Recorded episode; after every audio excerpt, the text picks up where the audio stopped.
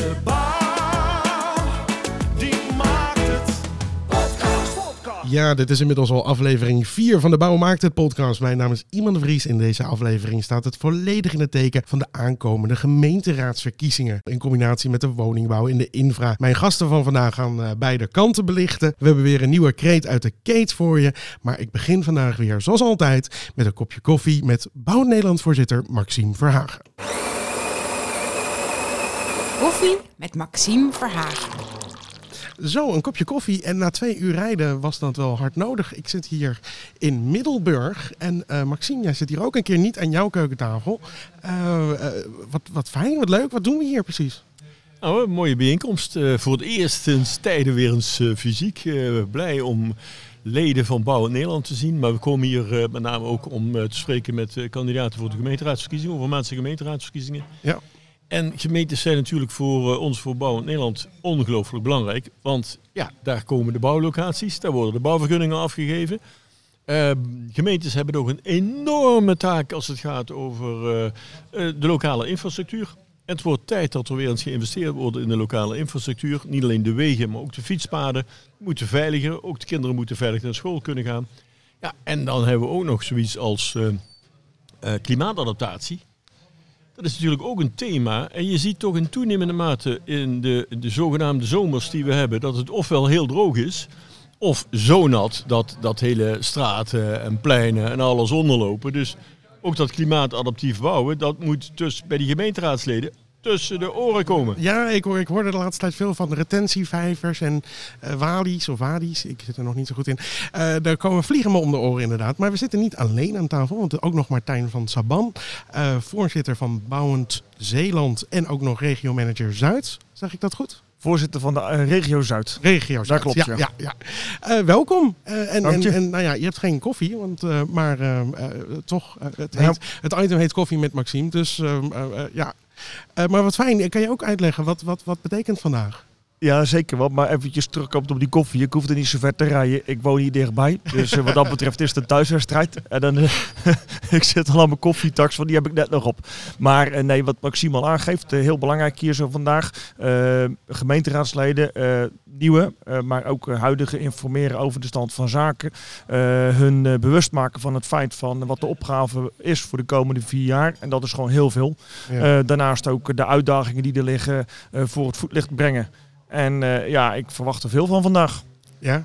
En, en wat zijn nou de grote uitdagingen van het moment echt? Nou, het is niet alleen dat er in heel Nederland eh, echt veel bijgebouwd moet worden, maar dat is hier in Zeeland zeker ook zo. Ja. Eh, in Zeeland is het niet alleen voor, eh, voor de mensen die willen wonen en werken, maar is het ook nog eens een keertje recreatief. Daar moeten we natuurlijk wel de juiste balans in zien te vinden.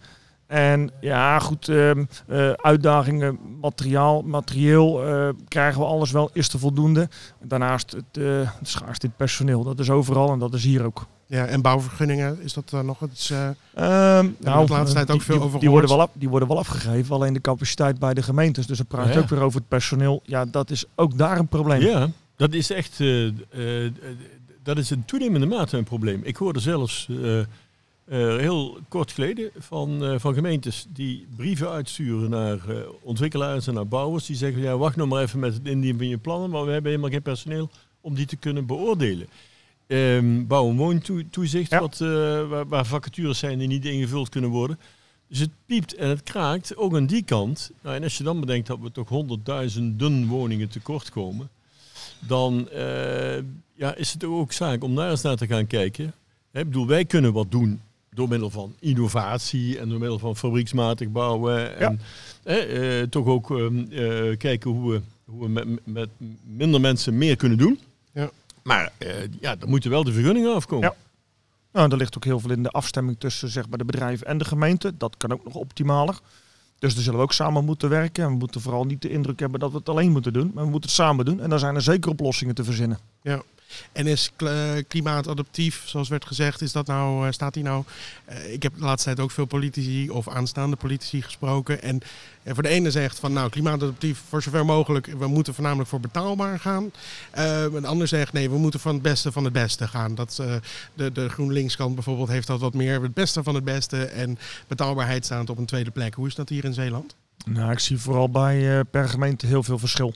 We hebben inderdaad gemeentes die erin voorop willen lopen. We hebben gemeentes die zeggen van nou ja, ik zie het eerst wel eens en kijk om me heen eh, wat de andere gemeenten doen. Maar wij in ieder geval als Bouwend Zeeland uh, stimuleren heel erg bij de gemeentelijke bouw- en infra-overleggen om hier werk van te maken. En we geven ook voorbeelden hoe dat kan. Ja. Zowel eh, infratechnisch als zeg maar bouwtechnisch gezien. Jullie staat nog een hele eh, middag tegemoet. Wat is het moment van vandaag? Nou ja, kijk, we gaan, we gaan natuurlijk nu, eigenlijk met die komende raadsleden, gaan we voor de eerste bouw in Nederland eh, natuurlijk niet alleen over de onderwerpen praten, maar we gaan ook eerst voor het eerst echt kennis maken met die toekomstige bestuurders. Ja. Dus eh, ja, en eh, Martin die sprak al over de, de gemeentelijke bouw- en infraoverleggen. En juist dit is een één dag, maar gedurende de komende jaren moeten we natuurlijk vaker met de nieuwe wethouders en, en ambtenaren van die gemeentes om de tafel gaan zitten in die gemeentelijke bouw en infraoverleggen.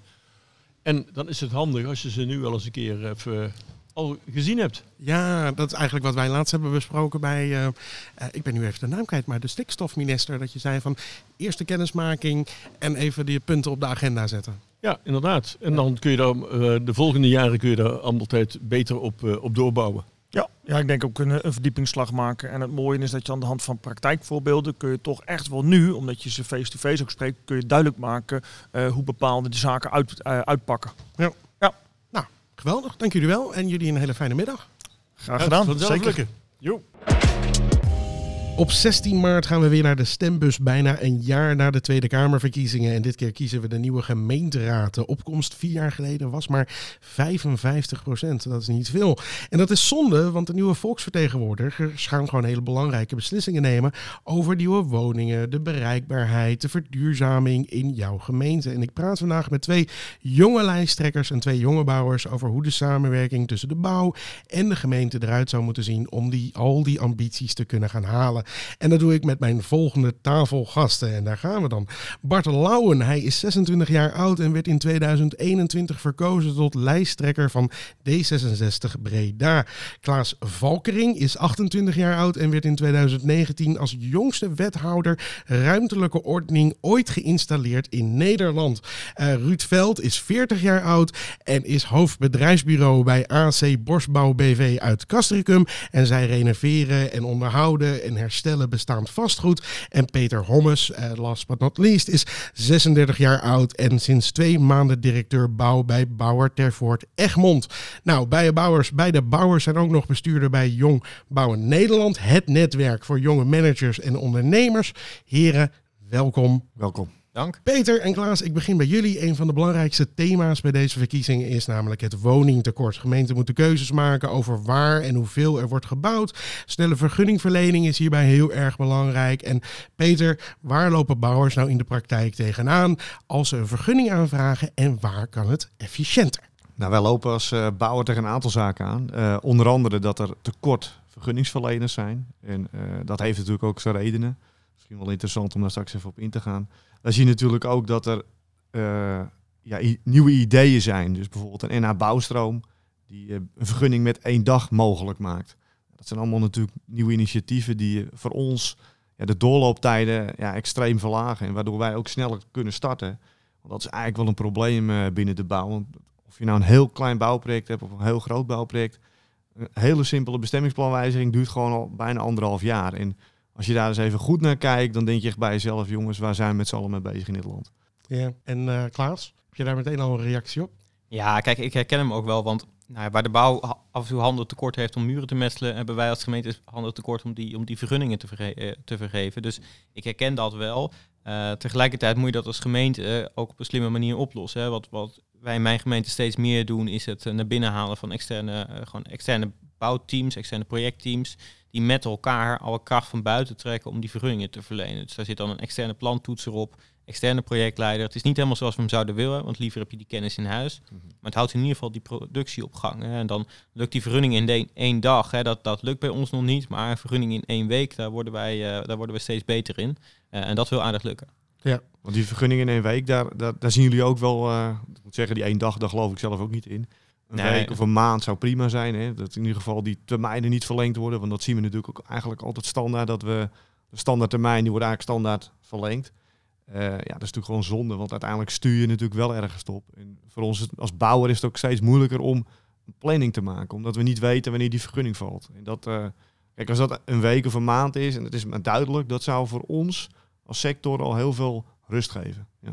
Ja, en daar kan je twee dingen aan doen. Dus het eerste wat je kan doen is, wat we steeds vaker doen, is direct integraal die vergunning bekijken. Hè. Dat we niet van bureautje naar bureautje bij de gemeente brengen, want ja, dat duurt eeuwig. Dus hem integraal doen. Tweede is, waar we iets meer mee experimenteren, is die eh, de bouwbesluittoetsing laten doen door de initiatiefnemer, een beetje vooruitlopend op WKB. Eh, en, en die ook al laten inleveren, zodat we dat stukje toetsing niet zelf hoeven te doen. Want daar zit gewoon heel veel tijd en energie in eh, bij de gemeentes. En daar hebben we ook de minste kennis aanwezig. Eh, dus dat zijn dingen die je kan doen om iets te versnellen. Eh, ja, en dan blijft hij uiteindelijk blijft hij op die handjes lopen. Eh, en dat blijft het grootste probleem. Ja, daar hebben we natuurlijk met z'n allen mee te maken. En uiteindelijk gaat het natuurlijk ook om dat we dan goed communiceren en verwachtingen naar elkaar uitspreken op het moment dat er een project nou, ter tafel komt bij de gemeente. Ja, en dan ook je planning maken. Dus dan Mhm. ook aangeven, nou, wij, weet je, we hebben weinig handjes, maar in, in, in week X redden, we het wel. Als jullie nou zorgen dat hij er dan klaar ligt, dat hij volledig is, dan Ja. redden wij het om het in die week ook te doen. En ik denk dat je daar, hè, we, hebben daar in, in de regio waar ik werkzaam ben, eh, hebben we met de woningmakers begin je, dat samenstel van, van, van bouwers en gemeenten begint steeds beter die woningbouwprojecten op elkaar af te stemmen. Dus zowel wanneer is er capaciteit bij die bouwers om daadwerkelijk te bouwen, eh, maar ook wanneer is er capaciteit bij de gemeentes om daadwerkelijk die plannen te draaien. Ja, dat helpt. Hè. Dat, dat, dat maakt gewoon dat je iets sneller met elkaar kan schakelen. En dat je er in ieder geval de weinige capaciteit die je hebt niet vergeefs aan stilzitten. eh door op elkaar te wachten, maar ook daadwerkelijk aan het bouwen bent. Duidelijk. En eh, even een stomme vraag hoor, want ik sta hier buiten en ik heb hier niet mee te maken. Maar eh, waarom is dit zo moeilijk dan? Want eh, het, komt erop neer dat eigenlijk gewoon beter samengewerkt moet worden. Ik bedoel, er moeten papieren ingevuld worden. Er, moeten, eh, er moet iemand moet zeggen, ja oké, waarom, waarom, waarom lukt dat niet? Het is natuurlijk ook wat complexer. Hè? Het is natuurlijk niet alleen eh, een tekening of een document. Er hangt natuurlijk veel meer aan vast. Ja. Je hebt natuurlijk ook nog te maken, misschien een bruggetje, waar, waar ook de processen enorm door ver- vertraagd worden. Dus de, de bezwaren. Tegenwoordig wordt op ieder plan, nou, laat ik maar zo zeggen, we hadden het net al even over. Als het bij in de straat is, dan wil in ene niemand een nieuwbouwplan. Of, of, of dat er iets nieuws gebouwd gaat worden. Oftewel, we willen allemaal wel woningen, maar niet in de straat, bij, Ja, bij jezelf. En eh, ik denk dat dat ook een heel groot punt is. Waardoor de gemeente, de gemeente is denk ik met heel veel randzaken bezig.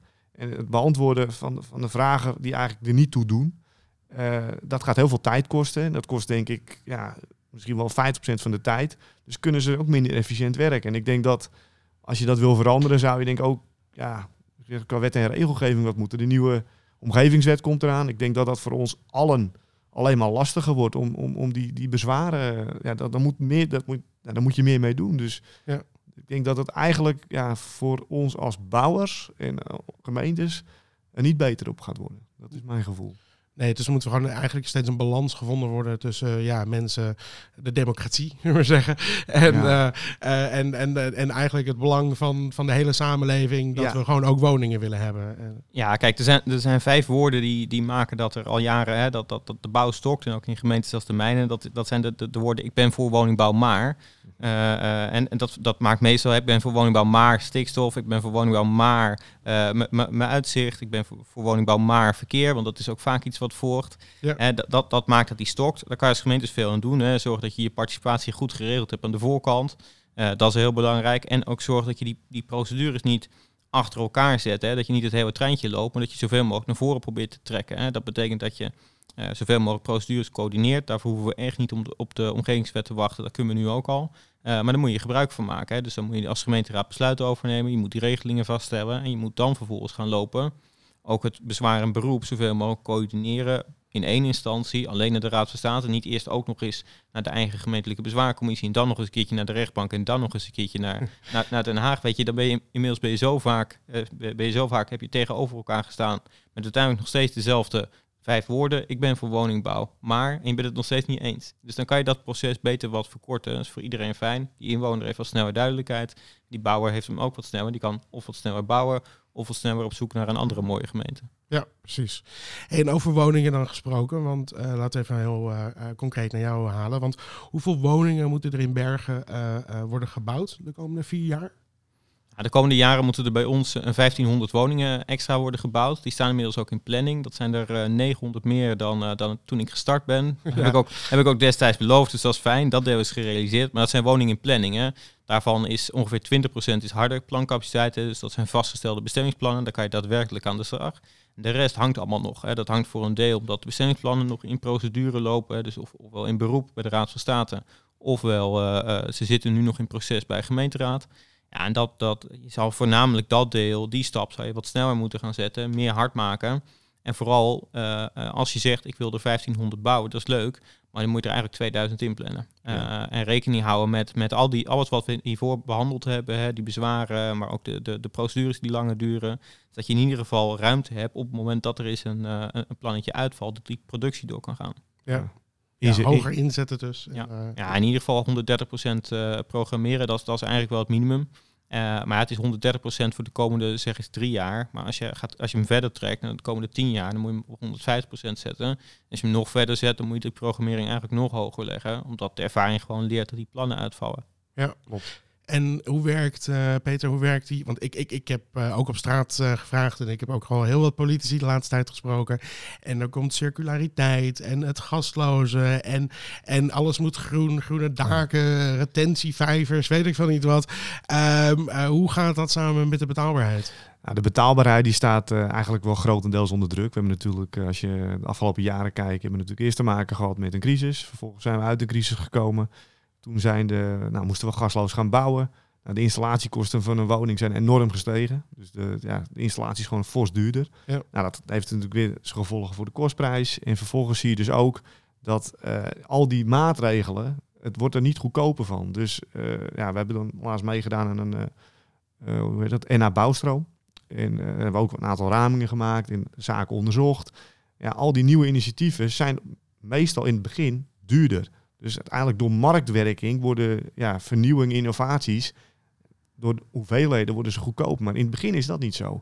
Dus ja, je ziet nu ook dat er een hoop pilots gedraaid worden om te kijken of er bepaalde materialen of bepaalde toepassingen interessant zijn voor de markt. Maar op dit moment is dat nog niet zo. Dus je ziet toch wel ja, verschuiving om die betaalbaarheid mogelijk te houden. Zie je dus ook dat uh, die woningfabrieken die, die moeten gaan draaien. Nou, die woningfabrieken kunnen eigenlijk alleen draaien op het moment dat ze ja, volgas productie hebben. Nou, dat is niet zo, omdat al die plannen stokken. Dus daar, uh, Klaas zegt het net al goed, we moeten inzetten op een overcapaciteit om die, ja, die productie op gang te houden.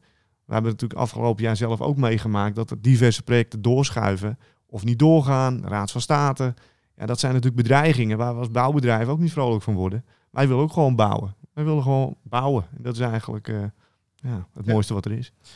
En Klaas, laatste woord aan jou. Wat, uh, wat, hoe, sta, hoe sta jij daar tegenover? De, de, de, de verduurzaming uh, versus de betaalbaarheid? Ja, ik denk dat die verduurzaming prima is. Alleen we hebben twee uitdagingen. Hè. Als gemeentes hebben we de uitdaging, voornamelijk die volkshuisvestelijke uitdaging. Ik ben net vijf maanden uit huis als wethouder. Dat voelde ook heel vreemd. Het gros van je periode thuis wonen als wethouder zijnde. Mij is het gelukt, maar het gros van mijn generatie woont nog steeds thuis bij hun ouders of bij ons illegaal in een recreatiewoning. Weet je, die groep proberen te helpen. En als je daar als gemeente van zegt, nou, we willen naast dat we die groep proberen te helpen met betaalbare woningen, willen we ze ook super duurzaam. Ja, dat kan, maar dan moet je ervoor betalen. Dus dan moet je zeggen, we draaien hier een pilot en we betalen erin mee. Uh, en zolang als je die stap als politiek niet wil zetten, ja, je kan het ook niet vragen van de andere kant van de tafel. Want weet je, daar blijft onder de streep ook al bijzonder weinig over. Klopt, zeker. Als je ook kijkt natuurlijk naar uh, een stukje sociaal, er zit meestal 30% sociaal in een plan. Nou, daar kan je eigenlijk geen grondwaarde onder hangen. Dus die, andere koopwoningen, die moeten dus duurder gemaakt worden om dat totale plan ja, uh, exploitabel te krijgen. En dat is toch wel, ja, dat is eigenlijk natuurlijk niet gezond. Dat, dat, dat, dat je op die manier je woningen uh, ja, moet, in de markt moet zetten. Nee, dan, dan moet je dus als gemeente ook zeggen, hè, vrijwel zijn wij als gemeente voor een deel grondeigenaar. Nou, dan moet je zeggen, wij vinden dat op zich fijn. Hè. In mijn gemeente zitten we op dit moment op 50% uh, van het totaal aantal nieuwbouwwoningen. Dat wordt in de sociale sector gerealiseerd. Hartstikke mooi. Betekent wel dat je als gemeente die grondprijs naar beneden moet bijstellen. Mee eens, mee eens. Mooi jongens, we zijn echt uh, al uh, voor dit onderwerp gruwelijk door de tijd heen. Uh, ik ben de straat eens op geweest om ook mensen te vragen, wat vonden jullie nou, hoe moeten we de woningcrisis op gaan lossen? Ook wel een paar leuke reacties, zelfs van een, een heel jong meisje die een prachtige oplossing aandraagt. Dus in ieder geval bedankt voor jullie bijdrage hieraan. Graag gedaan. Graag gedaan. De bouw maakt het. Nieuws. Er is een woningcrisis, veel mensen zoeken een huis, er zijn maar weinig huizen. Uh, wat, uh, wat, uh, wat zou de gemeente eraan moeten doen om dat op te lossen?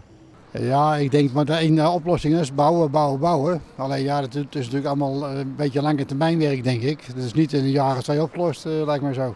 Ja, Wat vinden wij, Lara? Ik vind het eigenlijk wel, want heel veel mensen die kunnen geen huis zoeken of die kunnen geen huis vinden. Dus dan vind ik eigenlijk dat die iets minder duur moeten worden, want het wordt, eh, de huizen worden steeds duurder en uiteindelijk kunnen mensen het niet meer betalen. Ja, nou, dat vind ik eigenlijk wel, ben ik het eigenlijk wel mee eens met jou. Ik denk stoppen met het bouwen van sociale huurwoningen. Omdat ik denk dat daar een overschot aan is op dit moment. Er worden hier weer heel wat wijken worden vernieuwd eh, of uit de grond gestampt. En dat is bijna allemaal eh, grotendeels sociale huur. Terwijl ik denk dat het volgens mij het probleem zit aan de, de bovenkant van de markt. Dus bij de wat oudere mensen die in veel te grote huizen wonen omdat hun gezin het huis uitgegaan is. Ja, die mensen hebben ook behoefte aan eh, eh, een kleiner huis, dus met een tuintje, eh, wat, wat, wat groen om hem heen. Ik denk dat we dat beter kunnen faciliteren, waardoor dus de doorstroming op gang komt. Dus die mensen gaan kleiner wonen, andere mensen kunnen weer groter gaan wonen. En zo kunnen we denk ik de huizenmarkt op gang helpen. Naar mijn mening, ja, toch echt, echt, echt bezig gaan met bouwprojecten. Eh, weet ik veel. Desnoods maak je, maak je eh, meer anti-kraakpanden, eh, lege kantoorpanden die, die, die, nu, die nu toch niks staan te doen, opengooien. Ehm, ja, meer bouwen, bouwen, bouwen. Gewoon meer bouwen. Heel simpel eigenlijk. Gewoon meer bouwen. Een ander belangrijk onderwerp is de bereikbaarheid van onze steden en nieuwbouwwoningen. Veel infra is uit de jaren 60 en 70 van de vorige eeuw en moet binnen 10 jaar vernieuwd worden. Welke keuzes maken gemeenten voor de komende 10, 20 jaar en welke keuzes maak je dan voor de verduurzaming en het hele klimaatadaptief bouwen? Eh, nou, daar ga ik het over hebben met eh, Bart en Ruud. Eh, ik heb jullie net al geïntroduceerd natuurlijk, maar Bart, hoe, hoe pakken jullie dat aan in Breda? Ja, dankjewel. Interessante discussie. Eh, als we zien eh, dat de uitdaging voor het bouwen van nieuwe woningen ontzettend groot is, heel veel mensen zoeken een woning, dan eh, moeten we ook die puzzel met elkaar leggen van hoe ga je er dan komen. En, en wat ons betreft zou het mooi zijn als we veel meer kunnen kijken naar de OV-verbindingen. Dat je niet per se altijd met de auto overal naartoe moet gaan, want dat gaat ook ten koste van, van natuur en van het klimaat natuurlijk. Dus vandaar dat we zouden in willen zetten op, op OV-verbindingen omdat het ook makkelijker is. Zeker binnen stedelijk. Hè. Eh, als je gewoon wat meer de hoogte ingaat, dan is het ook efficiënter om één eh, bus te laten rijden in plaats van dat je daar een heel parkeerveld eh, aan moet doen. Dus in die, die zin zit daar een opgave in, omdat we meer woningen willen realiseren. Maar dat betekent ook dat je tegelijkertijd die bereikbaarheid goed moet hebben. Anders dan heb je de situatie dat je er al woont, maar dat je er nog niet kunt komen. Behalve als je bijvoorbeeld een auto hebt. Behalve als je een auto hebt. Ja, En dat, is, ja, ja, ja. dat is dan, het zou geen keuze, eh, het zou een keuze moeten zijn, de auto of de bus. En niet eh, een verplichting dat je per se de auto nodig hebt om ergens bij je huis te komen. Ja, en, en, en, en hoe eh, werk jij, hoe, hoe kijk je daar als bouwer naar? Nou, inderdaad, dat binnenstedelijk eh, is inderdaad een, eh, een van de onderdelen, denk ik, waar je moet kijken om eh, woningen te realiseren. Over het algemeen denk ik dat daar OV al heel goed is geïntegreerd. Waar het ook, denk ik, heel belangrijk is om daar goed naar te kijken, is in die buitenwijken. Als je het groen in gaat, hoe ga je dat doen? En niet zoals we eens in de, het verleden hebben meegemaakt, dat er een mooie wijk ligt met allerlei woningen, maar dat die nog niet goed ontsluitbaar en bereikbaar is. Wat natuurlijk doodzonde is. Wat de investering eigenlijk aan de voorkant eh, ja, niet helemaal eh, haalt wat die eh, had moeten zijn. En daarbij ook in de gebouwde omgeving zie ik ook binnenstedelijk een uitdaging in, in de leegstaande kantoorvoorraad of eh, winkelvoorraden. Ja, wat ga je daarmee doen? Ik bedoel, als ik eh, in sommige steden in Noord-Holland kijk waar eh, wij werkzaam zijn, zijn er best wel veel panden die leeg staan en waar geen bestemming voor is. En daar denk ik dat er voor de woningmarkt een, een van de uitdagingen ligt om daar invulling aan te geven. Ja, Nou, interessant punt ook. Hè, want komende jaren gaat er ook een eh, nieuwe wet van, eh, van kracht die eh, eigenlijk bepaalt dat een bepaald energielabel moet verbonden zitten aan, aan een kantoorpand. En heel veel kantoorpanden die voldoen daar niet aan. Dus dat betekent eigenlijk de optie slopen of ombouwen. En ik denk dat vanuit die woningopgave ombouwen een veel aantrekkelijker optie zou kunnen zijn. Maar dan blijft nogmaals dat vraagstuk, hè, want een kantoorpand is niet altijd gelegen naast een woonwijk. Dat kan ook gewoon wat verder van, de, van de stad zijn. Eh, of eh, buiten de dorpen. Dan moet je ook gewoon kijken hoe ga je daar dan komen. Dus ik denk dat we ook in relatie met die infrastructuur daar echt wel een, een puzzel hebben te leggen. Ehm, zeker ook als je moet kijken hoe je gaat die aaneenschakelen. Want het is niet zo dat je maar een, een nieuwbouwproject gaat starten en dat die losstaand is van hetgeen wat er al bestaat. Je moet het echt goed kunnen aansluiten, want dat betekent dat je als je verkeer hebt die naar die nieuwbouwlocatie gaat, dat is een feit, dat is logisch. Eh, maar waar je ook mee rekening moet houden, is dat dat ook druk oplevert eh, in je gehele stad. Eh, Als we dan kijken naar Breda, dan willen we binnenstedelijk bij het Zoet, dat is een heel mooi terrein, willen we ontzettend veel woningen realiseren, liefst rond de 4000. En dat is heel veel op een relatief klein gebied. Eh, maar goed, ja, die auto's eh, of die bussen, eh, die moeten ook allemaal langs de wegen die er nu al zijn, die ook mensen nemen. Dus dat is echt wel een, een, een lastige puzzel om te leggen. En ik denk dat we daar goed aan zijn om daar ook gewoon met de bouw naar te kijken van hoe kun je dat vanaf het begin eh, doen, in plaats van pas later als het probleem zich aandient. Wel, mo- wel mooi, je begint over de wegen die er al zijn. Nou, daar zijn natuurlijk ook uitdagingen genoeg. Ik bedoel, ik ken genoeg gemeentes die eh achterstallen, nou geen achterstallen, maar wel onderhoud moeten plegen de komende paar jaar op hun bestaande infra. En daarbij dus ook nog hun infra moeten uitbreiden voor de aankomende nieuwbouwwijk. Ik ben wel heel benieuwd hoe jij dat in de gemeente Breda eh, ziet. Ja, ja eh, terecht punt. Hè. Dat, eh, in Breda hebben we gelukkig wel eh, die, eh, nou, is, het, is de pijl van onderhoud best wel, best wel hoog. Eh, maar als je dan toch moet gaan eh, vernieuwen of onderhoud moet gaan plegen, dan kun je ook veel beter kijken naar hoe ga je het dan op een eh, goede manier inrichten. Eh, dat kan ook zijn door bijvoorbeeld eh, snelfietspaden. Dat is ook steeds meer een trek. Dat is ook een alternatief of volgens zoiets als de, als de auto. Maar als je ook kijkt naar een regionale infrastructuur, dan zie je ook best wel die ontsluitingswegen, dat je daar echt wel gezamenlijk met andere gemeentes in moet samenwerken hoe je dat doet. Want het verkeer dat vanuit eh Etteleur vertrekt, eh, via onze gemeente naar de snelweg gaat richting Rotterdam, ja, dat komt ook door onze gemeente, ook over onze wegen. Dus je moet daar wel overleg mee kunnen plegen tussen die verschillende gemeentes, omdat de auto die vertrekt uit Etteleur door ons gemeente heen gaat. En andersom is dat natuurlijk ook zo. Dus Ja. je moet daar wel met elkaar eh, kijken van eh, hoe zorg je ervoor dat je elkaars problemen niet verergert, maar dat je gezamenlijk eh, met elkaar naar de oplossing kan kijken. En dan ja, hoef je niet in je eigen ge- gemeente tot aan de grens eh, te zeggen van nou, hier hebben we een bepaald beleid of een onderhoud op. Eh, maar die weg die loopt door. Hè? Dus dat is wel echt iets wat je in samenhang moet bekijken. En wat ons betreft ook alternatieven moet kunnen hebben. Want ja, als het heel druk is op de weg, kun je ook zeggen we gaan de weg verbreden. Je kunt ook zeggen we gaan investeren in de bus. We gaan nieuwe treinstations wellicht eh, aanleggen. Nou, dat zijn ook allemaal opties die eh, waarschijnlijk in de toekomst ook meer nodig zullen zijn. We praten nog niet over zelfrijdende auto's. Dat is misschien nog een station te ver. Maar goed, stel dat dat nou straks echt helemaal de toekomst is en dat dat iedereen in een zelfrijdende auto zit. Ja, waarom zou je dan nog een auto moeten hebben parkeren in, in de stad? Want die auto die zet je netjes af waar je moet zijn en die gaat vervolgens naar een of ander transferium buiten de stad om te wachten tot hij een, een order krijgt hè, van nou, pick me up uh, waar je bent. Dat is echt toekomstmuziek, dat, dat, snap ik ook heel goed. Maar goed, de tijd gaat heel snel en voor je het weet ben je daar. Dus dat vind ik wel een interessant ook. Hoe hou je rekening mee met dat soort ontwikkelingen? Niet zozeer van uh, dat je de infrastructuur zo moet inrichten dat het al precies helemaal zo is. Maar dat je niet uh, allerlei obstakels, uh, al, wel, al wetende dat dit een optie zou kunnen zijn, in de weg gaat leggen. Ja, wel grappig, want uh, jij hebt het dan over de zelfrijdende auto's inderdaad. En ik was laatst in een uh, nieuwe wijk en daar hadden ze dan nog niet voor gekozen. Maar iemand zei van ja, waarom is er dan niet gekozen voor een soort gemeenschappelijke sharecard-achtige experience? Uh, en dat klinkt altijd wel heel erg mooi. En dat klinkt ook een beetje als een politieke keuze. Ik heb wel altijd een beetje het gevoel, hangt vanaf welke gemeente en welke politieke partij daar iets te zeggen heeft. Want in andere gemeenten zeggen nee, we willen gewoon dat iedereen twee auto's voor zijn eigen deur kan parkeren. En dan, dan, dan, ben je een beetje overgeleverd eigenlijk aan dus wie, wie, wie er in jouw gemeente aan het roer staat. Um, uh, maar de zelfrijdende auto's lijken me eigenlijk gewoon een oplossing in dit geval. Ja, mij ook eigenlijk wel. Hoef je niet niks meer aan te passen, jongens. Dat is gewoon. Uh... Als die zelfrijdende auto's niet van één persoon is, deel hem ook dan gewoon. Ja, delen, delende. Ja, precies. Ja, deelbare auto's. Ja. Ja. Maar dat neemt niet weg dat die zelfrijdende auto dan voorlopig waarschijnlijk nog wel even over de weg moet rijden. En voordat hij gaat vliegen, jongens, dan zijn we echt nog veel verder. ja, maar toch, maar dat klinkt ook alsof hij in een soort van super efficiënte garage geparkeerd kan worden, inderdaad. Dus uh, nou, de, onder de grond ja. ergens. Nou ja, goed. Verkeersstoppingen kunnen daar ook wel mee worden opgelost. Je ziet heel vaak dat eigenlijk het, het grootste probleem in, uh, in het verkeer zijn de mensen. Uh, die remmen of die denken. Ja, ja, en, die gaan, ja. weet je, en daardoor krijg je dus filevorming. En dat is allemaal heel irritant. En ik storm me er zelf ook ontzettend aan als je in de file staat.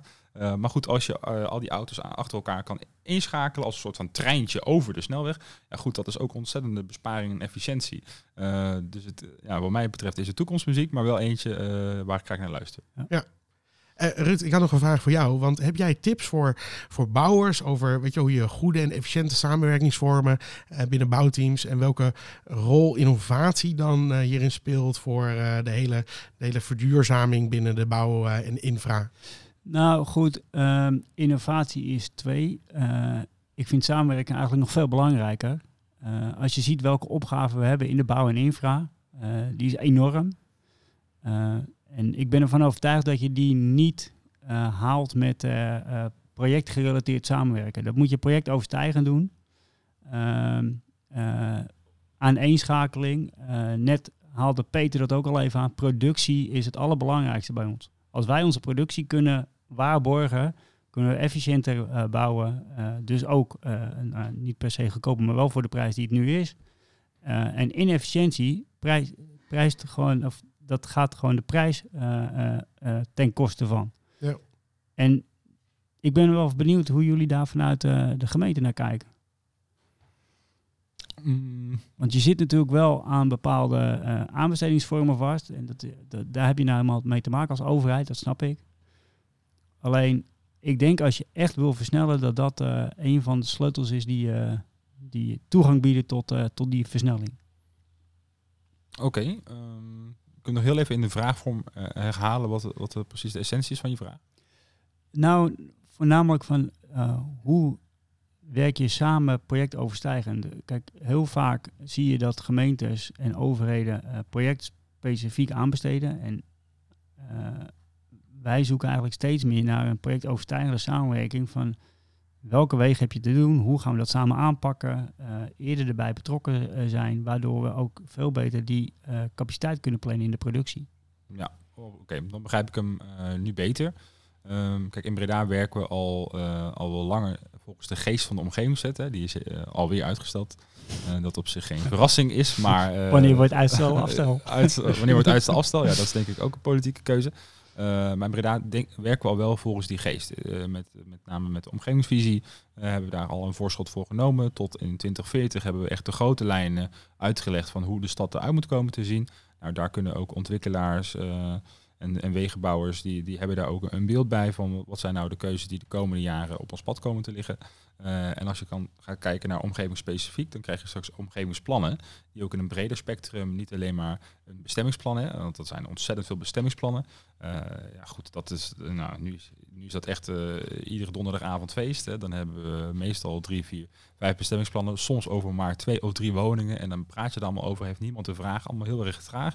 Wij zijn ook, voorstander voor, hebben ook in ons verkiezingsprogramma opgeschreven om die eh bestemmingsplanprocedures te versoepelen, eh, makkelijker te maken. In Utrecht hebben ze volgens mij de grens van ja, eh, onder de 100 woningen, dan hoeft het niet eens meer langs de raad.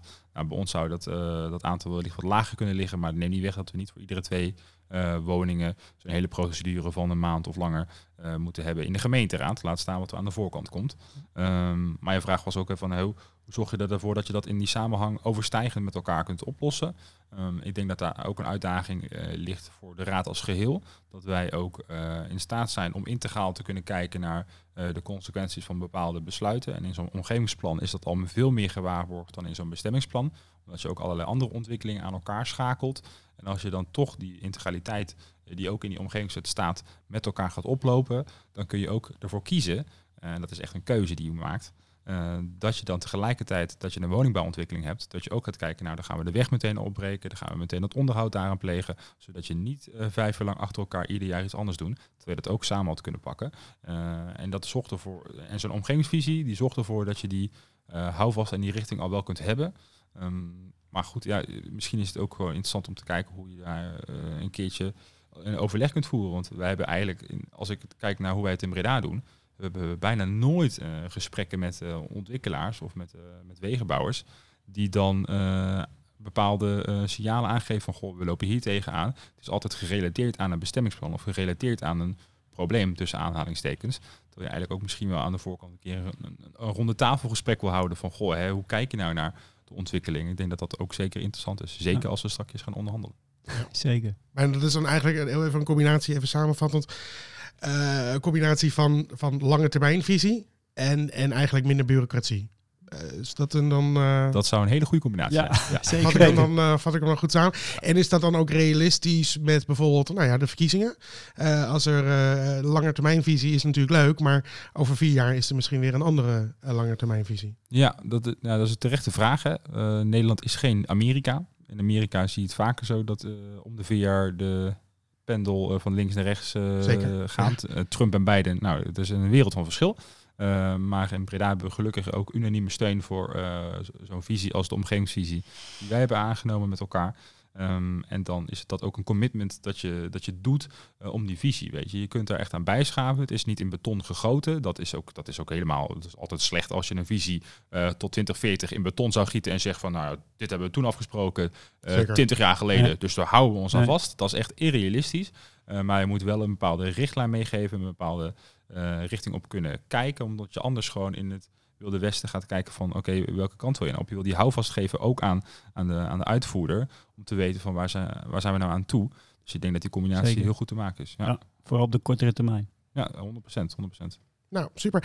Ook uh, hier gaan we echt natuurlijk uh, fantastisch over de tijd heen die we er eigenlijk voor hadden gezet. Maar uh, zo gaat het. Hè. Met politiek moet ik denken, dan gaat het gewoon wat langer. Duurt het al wat langer. Hey, super bedankt voor, jullie, voor jullie input. En voor de mensen thuis, ben je nou benieuwd hoe Bouw Nederland de bouwopgave samen met de gemeente wil oppakken? Kijk dan op www.samendoorbouwen.nl. En wil je nou net als Peter en Ruud aansluiten bij Jong Bouwen Nederland? Ga dan naar bouwendnederland.nl slash jbn. Uh, als je dit allemaal niet snel kan opschrijven, ik zal de links ook nog in de beschrijving zetten. Dan uh, kan je er gewoon op klikken. Dat scheelt je een hoop uh, terugluisterwerk wat dat betreft.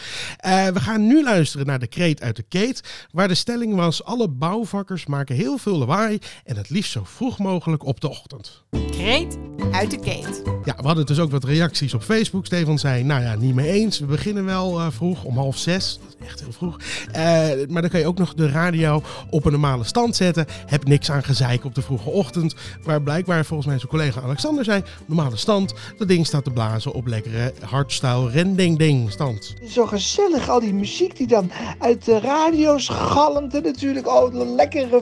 Nou, dat is echt zo gezellig. De stelling voor de volgende kreet uit de keten. Bouw is een typische mannensector. Nou, als je vandaag om de tafel kijkt, dan uh, zou je eigenlijk zeggen... Uh, ja, dat is waarschijnlijk zo. Ik kan je alvast voorspellen, voor de volgende uitzending is dat helemaal anders. nou ja, ik, ik, ik, ben dan nog steeds van een man, ook volgende week. of over twee weken, maar de, de, gasten niet. wil je nou reageren op die stelling van de bouw is een typische mannensector? Stuur dan een spraakbericht via WhatsApp naar 0625 222 104. En wie weet hoor jij jouw reactie terug in de volgende aflevering. Uh, Ruud, Bart, Klaas en Peter, bedankt voor jullie aanwezigheid. Alsjeblieft. Uh, uh, de, de, Klaas en Peter zitten al wat verderop inderdaad te genieten van een broodje. Wil je nou thuis geen aflevering missen? Vergeet dan niet op die volgknop te drukken op Spotify, op te abonneren op Apple Podcast en een rating achterlaten of een reactie. Dat is natuurlijk ook hartstikke prettig. Oké, okay, bedankt voor het luisteren en tot over twee weken. De